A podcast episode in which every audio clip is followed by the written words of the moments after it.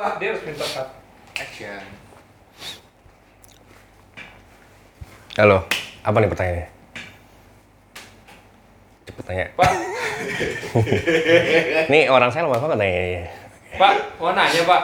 Hmm, Kalau disuruh pilih nih, suruh pilih. perasaan saya nggak enak. Oke, lanjut. Mending setting iklan bahan iklannya, kreatifnya itu Mhm. bagus tapi settingannya nggak bagus, nggak pas atau sebaliknya Pak? Wah, ini pertanyaan yang sulit ya. Karena harus dua-duanya. Coba bisa ganti pertanyaan nggak?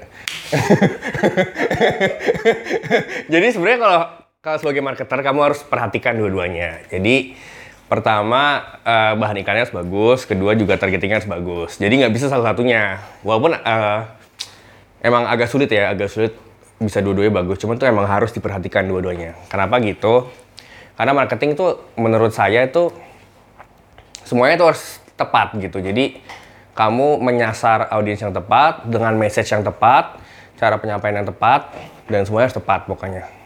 Dan kamu harus eh, reach mereka di channel yang tepat gitu. Jadi eh semua itu penting. Targeting kan adalah audiensnya siapa gitu. Terus kreatif itu adalah message-nya apa, terus cara penyampaiannya gimana, terus harus juga diperhatikan gitu. Jadi kalian harus pertama cari tahu dulu eh, siapa personanya gitu, siapa yang target audiens kalian dan juga kalian harus breakdown tuh. Mereka biasa main di channel mana, terus kebutuhannya apa, segala macem lah, banyak lah.